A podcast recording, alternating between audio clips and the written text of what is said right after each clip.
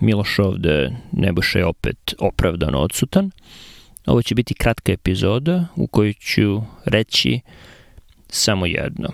SARS-CoV-2 je opet u Srbiji, e, brojevi novoobolelih rastu, verovatno su mnogo veći, ali ne testira se dovoljno.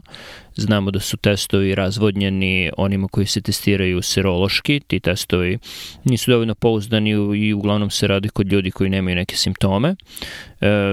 Postoji puno priča anegdota do duše, da, da ljudi koji imaju simptome dođu kod e, svog lekara opšte prakse e, i onda im, onda im taj lekar ili lekarka kažu da, da je u pitanju neki drugi virus, nek se vrati kući i onda tek posle nekoliko dana ili nedelja kada se stvarno razbole budu testirani i op, to je SARS-CoV-2.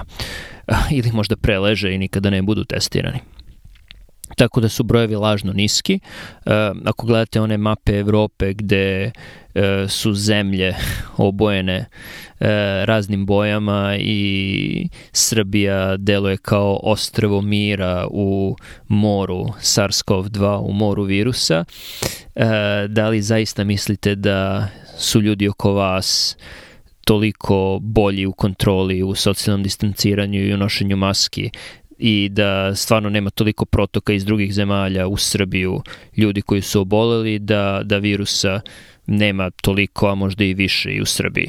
Mislim da, to, da je to ostrovo mira lažno, nažalost, i mislim da e, da ih ima mnogo više nego što se saopštava. E, ne treba da bude opravdanje više to što zvaničnici smanjuju važnost virusa i smanjuju važnost mera prevencije. Čak naprotiv, mislim da su bili dosta korektni u poslednjih e, nekoliko nedelja u tome da upozoravaju ljude da treba da se čuvaju i mislim da ljudi treba da se čuvaju i mislim da e, bi ljudi trebalo da budu dovoljno zreli da nakon šest meseci ovoga znaju da je virus tu, postoji, ubija ljude, naročito stare i bolesne, ali i zdrave i one koje nemaju druga, druga oboljenja. Tako da odrasli ljudi bi trebalo da znaju šta, šta da rade. E, mislim da im ne treba država da im kaže da treba nositi maske i da se treba socijalno distancirati. Mislim da vlast i dalje treba krivično da odgovara za ono što su radili u početku i da zbog te one neodgovornosti njihove i njihove početne minimalizacije značaja virusa, a potonje prekomerene reakcije na virus. Mislim da su time stvarili ogromno nepoverenje kod i onako nepoverljivih ljudi. E, tako da, ako, ako neko pita, toliko puta su menjali mišljenje i lažu oko toliko drugih stvari, zašto ne bi lagali i sada? Mislim, nemam dobar odgovor na to, osim da, osim da ljudi zaista umiru od virusa i mnoge bolnice su bile preopterećene na proleće i na leto, a uskoro će biti preopterećene opet širom Evrope. E, tako da budite odgovorni, čuvajte se, napravite zalihe hrane, ne zato što će nestati, već zato što e, ćete se, čini mi se, u sledećih nekoliko meseci truditi da što manje izlazite iz kuće. E, tokom leta sam govorio da i pisao da možete slobodno da idete, posećate prirodu, budete na otvorenom jer je rizik od prenošenja virusa na otvorenom minimalan. To je i dalje tačno, ali zima u Srbiji e, nije baš idealna za provođenje vremena na polju, što me, što me naročito brine.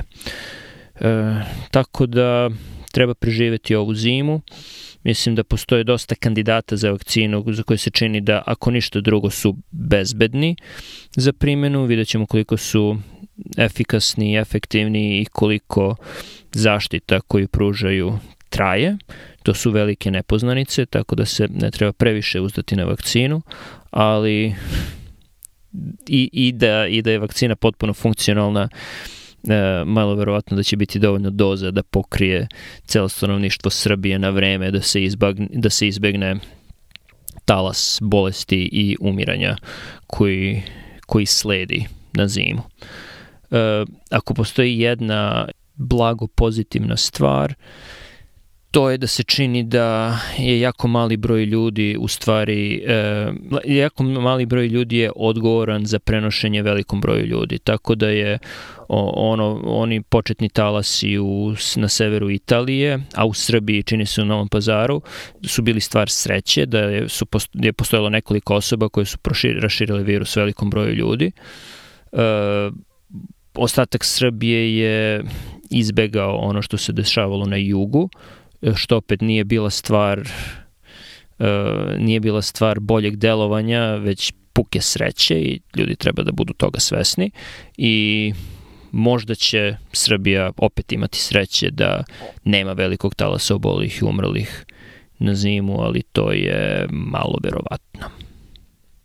I ovo će biti poslednja stvar o COVID-19 i o SARS-CoV-2 na ovom podcastu.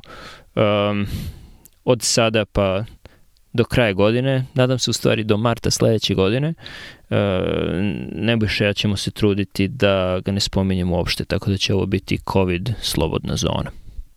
Hvala na pažnji.